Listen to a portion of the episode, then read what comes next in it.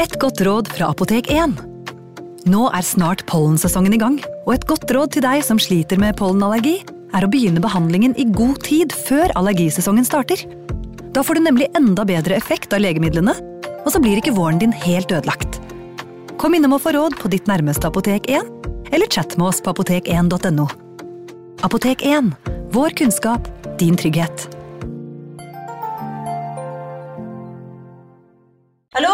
Jeg kommer fra Oslo politikammer. Ine Jansen er purk. Er du purk? The motherfucking bitch. Alt jeg vil, er å finne ut hva som skjedde med mannen min. Jon Carew. Er jeg sikta for noe? Iben Akeli. Det er du. Ole So, Lars Berrum og Big Daddy Karsten. Hvem sin side er du på, egentlig? Anette Hoff, Tone Danielsen, Kommer du fra Afrika? Jørnis Josef, Nesten kløfta. Trond Espen Seim, Det er synd å si det, men det var feil mann som døde. Purk. Premiere tirsdag på TV2 Play. Ungsamtalen fra DNB er økonomisk veiledning tilpasset deg som er ung. Bokk en ungsamtale på dnb.no. slash ung. Det er kjempebra hvis du skal inn på boligmarkedet, hvis det er drømmen din, liksom. Det er det du skulle sagt. Og så kunne du ropt litt mer, da, sånn som jeg gjorde. Bam! Advarsel. Historiene vi forteller i denne podkasten kan være fiktive og avvike fra den opprinnelige historien av dramaturgiske årsaker. Meninger og påstander i historiene reflekterer nødvendigvis ikke programledernes meninger eller virkeligheten.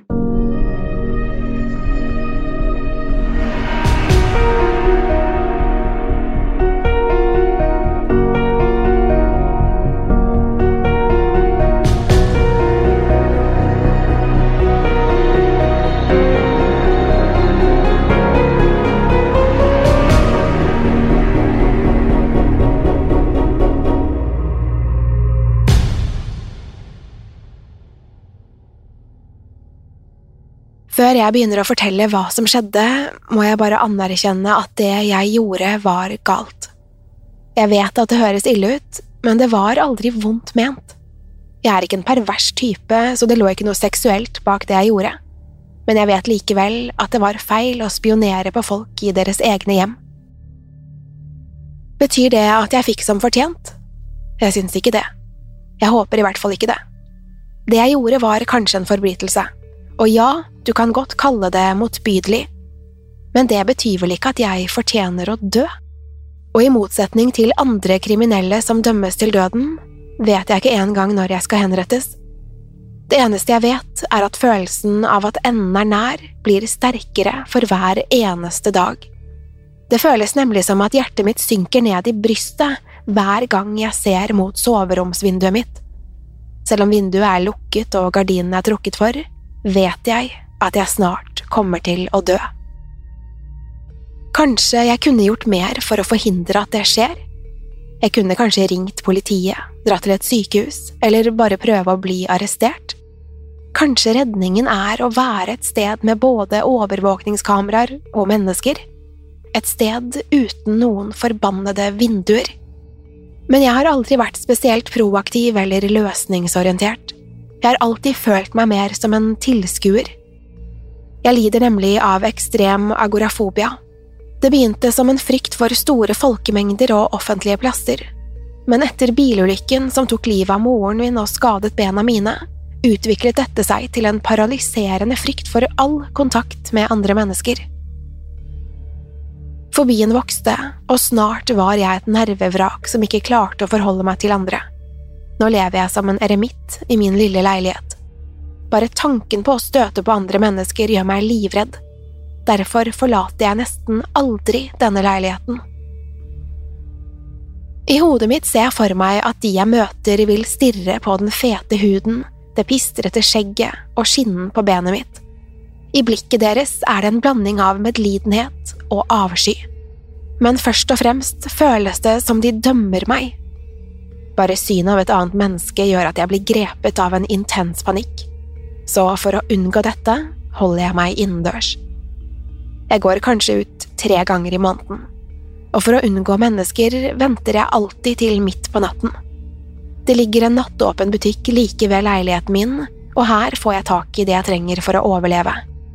Jeg kjøper inn store mengder nudler, toalettpapir og potetgull. Jeg bruker alltid den selvbetjente kassen, kaster varen i en pose og skynder meg hjem. Dessverre er jeg ikke helt antisosial. Innerst inne, begravd under all angsten og alle nevrosene, er jeg fremdeles et menneske. Og som alle andre har jeg fremdeles behov for menneskelig interaksjon. I en liten periode prøvde jeg å dekke dette behovet med podkaster og nettforum. Jeg sendte også anonyme e-poster til mennesker jeg aldri har møtt. Men selv dette føles ubetydelig etter hvert. Det ble åpenbart at dette ikke kunne fylle behovet for ekte interaksjon.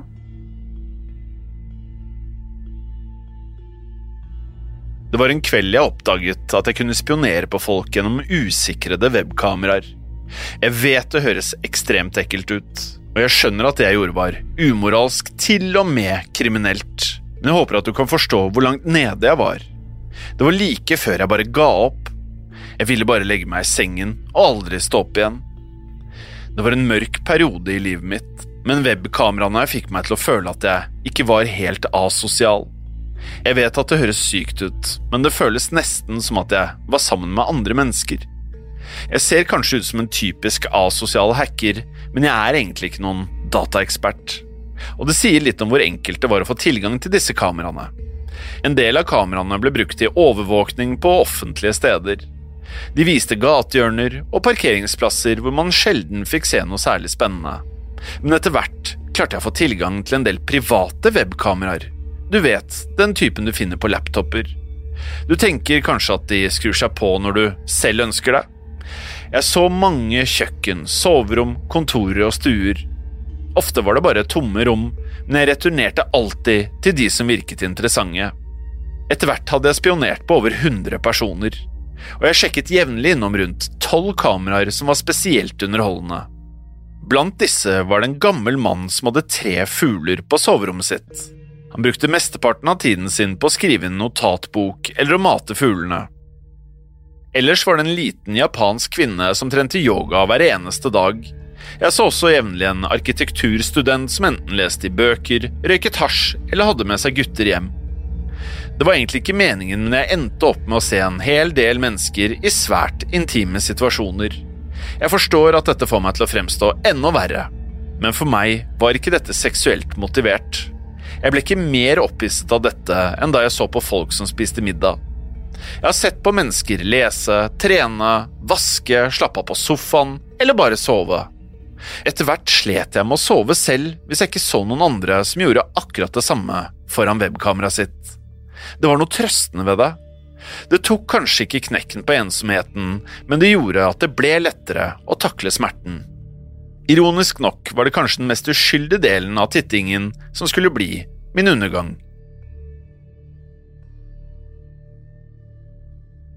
Det begynte da jeg satt og tittet på noen av mine favorittkameraer. Jeg håpet å finne noen jeg kunne se på før jeg selv la meg for å sove. De fleste hadde enten lukket laptopene, eller så pekte bare kameraene i feil retning. Det var i hvert fall ikke mulig å se noen mennesker i bildene. Derfor begynte jeg å lete gjennom nye kameraer i håp om å oppdage noe spennende. Jeg klikket meg gjennom utallige parkeringsplasser og tomme klasserom før jeg endelig fant noe interessant. På skjermen var det en ung kvinne. Hun var i midten av 20-årene og satt oppreist i sengen. Det så ut som hun stirret ut av vinduet. Hun satt med armene foldet, og skuldrene hennes var lave.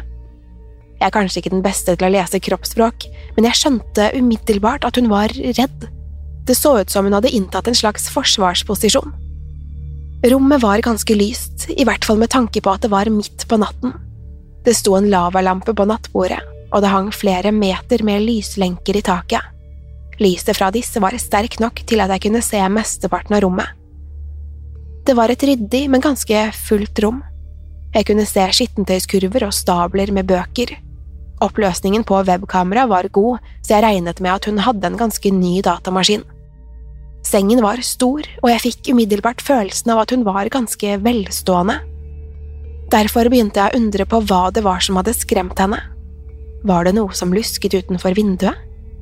Den unge kvinnen fortsatte å kaste raske blikk ut av vinduet, før hun søkte dekning inntil veggen. Hun holdt på med dette i en halvtimes tid, før hun til slutt la seg ned i sengen. Det så ut som hun klamret seg til dynen, men etter hvert virket det som at hun fant roen. Jeg fortsatte å stirre på henne. Det var noe med situasjonen som gjorde at jeg følte meg lys våken. Hjertet mitt slo fortere, og jeg kjente plutselig at svetten begynte å renne nedover pannen. Da solen var i ferd med å stå opp, våknet hun brått. Hun vred seg mot vinduet. Jeg hadde ikke tilgang til lyden fra webkameraet, men det så ut som hun hadde hørt noe utenfor vinduet. Hun satte seg i hvert fall opp i sengen, med armene strukket ut foran seg. Hodet hennes var på skakke, og det virket som hun prøvde å lytte etter noe. Hun må ha hørt igjen, for i neste øyeblikk hoppet hun ut av sengen. Uten å ta blikket vekk fra vinduet, plukket hun opp telefonen fra nattbordet. Hun slo et nummer og la telefonen inntil øret. Mens hun ventet på svar, rygget hun lenger vekk fra vinduet. Snart var hun utenfor kameraets synsfelt. Jeg klarte ikke å slutte å stirre på dataskjermen, og før jeg visste ordet av det, var solen i ferd med å stå opp. Den unge kvinnen kom aldri tilbake i bildet, og persiennene var trukket for hele tiden. Derfor hadde jeg ingen idé om hva som egentlig hadde skjedd. Jeg sov urolig og la meg omsider igjen. Sannsynligvis hadde jeg et mareritt. Jeg våknet en gang på kvelden, men kunne ikke huske hva jeg hadde drømt. Jeg sjekket den unge kvinnens webkamera flere ganger i løpet av kvelden. Jeg håpet fremdeles at jeg skulle få svar på hva som hadde skremt henne. En uke senere sto hun midt i rommet og stirret ut av vinduet. Hun holdt telefonen i hånden og ventet på at noe skulle skje men stort sett bare så hun på TV eller sov i sengen sin. Jeg så aldri noe til det som hadde skremt henne, i hvert fall ikke på en liten stund.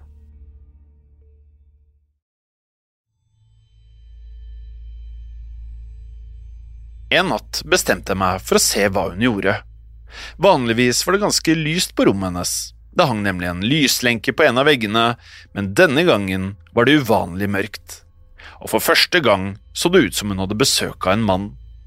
Kanskje var det han som hadde insistert på å skru av lysene. Det var riktignok en lavalampe i rommet. Den var fremdeles på og kastet et bølgete, oransje lys over sengen. Persiennene var ikke trukket for, og det var for mørkt til å se hva som foregikk utenfor vinduet. Likevel klarte jeg ikke å se vekk. Det var noe som virket feil.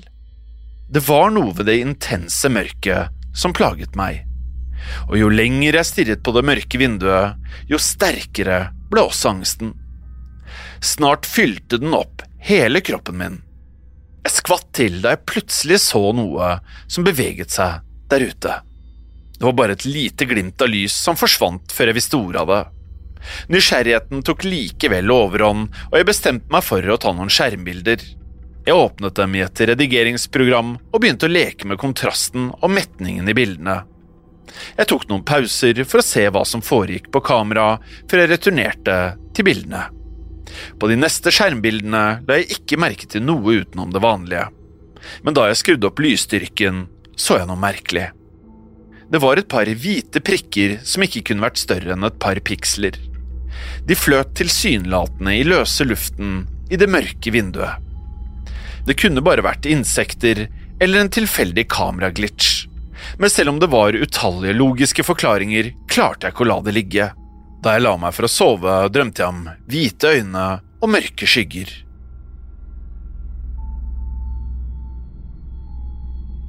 Da jeg sjekket webkameraet igjen, var rommet enda mørkere enn sist. Nå var også lavalampen skrudd av, men hvis jeg myste, kunne jeg så vidt skimte omrisset av vinduet. Persiennene så ut til å være fjernet fra veggen, og jeg kunne se det bleke månelyset utenfor. Det tok et øyeblikk før jeg innså at vinduet var åpent. Dermed var det ingenting som beskyttet jenta mot hva enn som hadde skremt henne. Men det var så mørkt at jeg ikke engang klarte å se om hun var i rommet. Månelyset var for svakt, og webkameraet hadde sine begrensninger. Selv om jeg ikke kunne se noe i mørket, begynte jeg å føle meg engstelig, og før jeg fikk et panikkanfall, lukket jeg programmet og rullet vekk fra skrivebordet. Der og da skjønte jeg ikke hva som hadde skremt meg. Det var jo bare et åpent vindu. Men av en eller annen grunn gjorde dette meg utrolig bekymret. Ved soloppgang sjekket jeg kameraet igjen. Nå kunne jeg se hele rommet klart og tydelig. Vinduet var fremdeles åpent, og persiennen var fjernet fra opphenget. Gulvet og hyllene så ut til å være uforstyrret, men det var et forferdelig rot i sengen. Dynen og sengetøyet var samlet i en liten haug, mens putene lå hulter til bulter. Jeg kunne ikke se om det lå en person under dynen. Formen var for klumpete og tvetydig.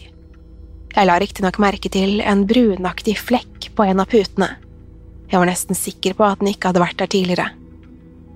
Da jeg sjekket kameraet igjen den ettermiddagen, hadde ingenting forandret seg. Sengen var fremdeles ikke redd opp, og dynen lå midt i sengen. Jeg fortsatte å sjekke frem mot kvelden, uten at jenta ga fra seg noen livstegn. For hver gang ble jeg mer og mer sikker på at noe var galt. Etter hvert ble jeg overbevist om at det lå noen i sengen, og denne personen hadde ikke beveget seg på nesten 24 timer.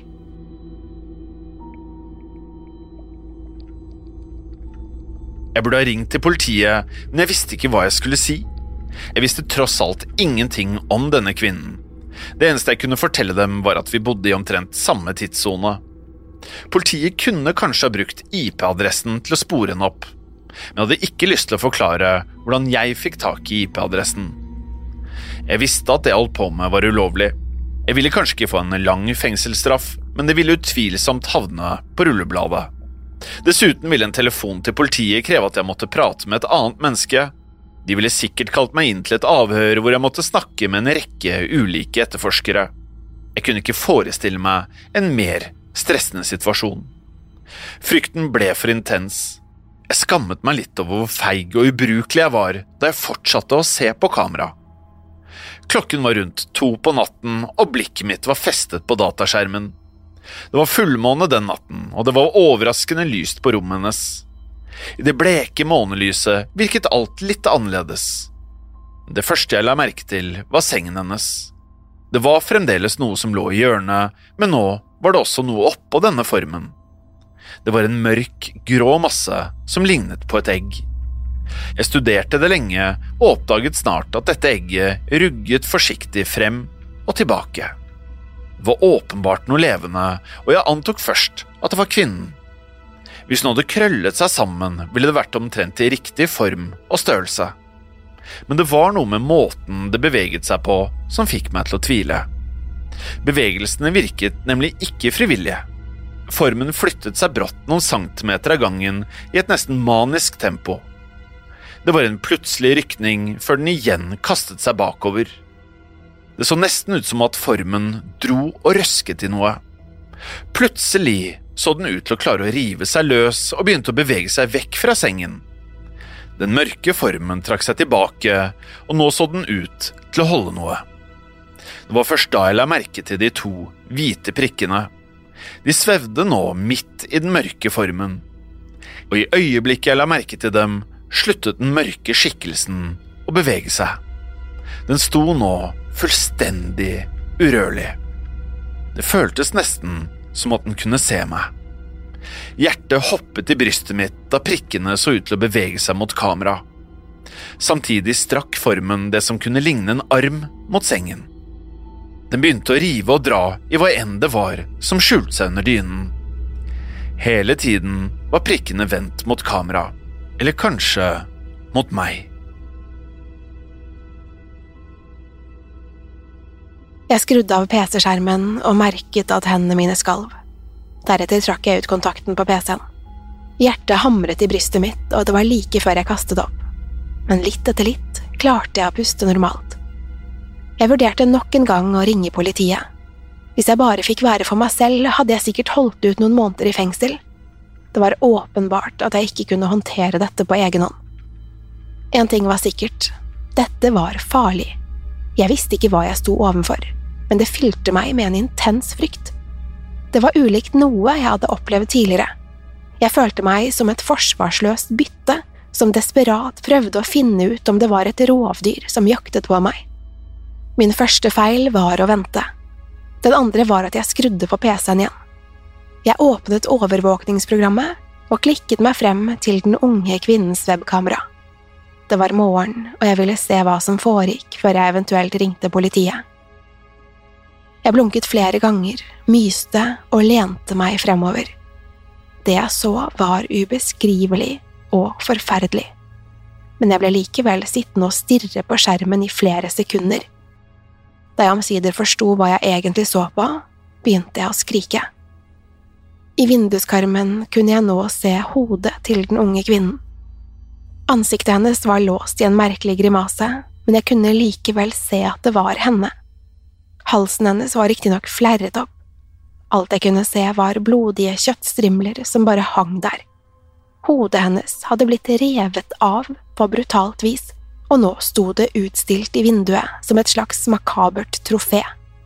Hodet var vendt mot kameraet, og det føltes som jeg stirret rett inn i de livløse øynene hennes. Det hele føltes som et budskap. Noen prøvde å fortelle meg at jeg ser deg. Jeg har fremdeles ikke ringt noen. Det er typisk meg. Jeg er fortsatt paralysert av frykt og angst, og nå sitter jeg bare her og venter. Det var noe som banket på soveromsvinduet mitt i natt. Jeg kan ikke åpne. Jeg nekter. Men jeg kan ikke rømme heller. Og det er ikke noe poeng å gjemme seg. Så jeg kommer bare til å sitte og se på og vente til noe skjer. Nå har bankingen begynt igjen. Jeg kan høre det helt hit.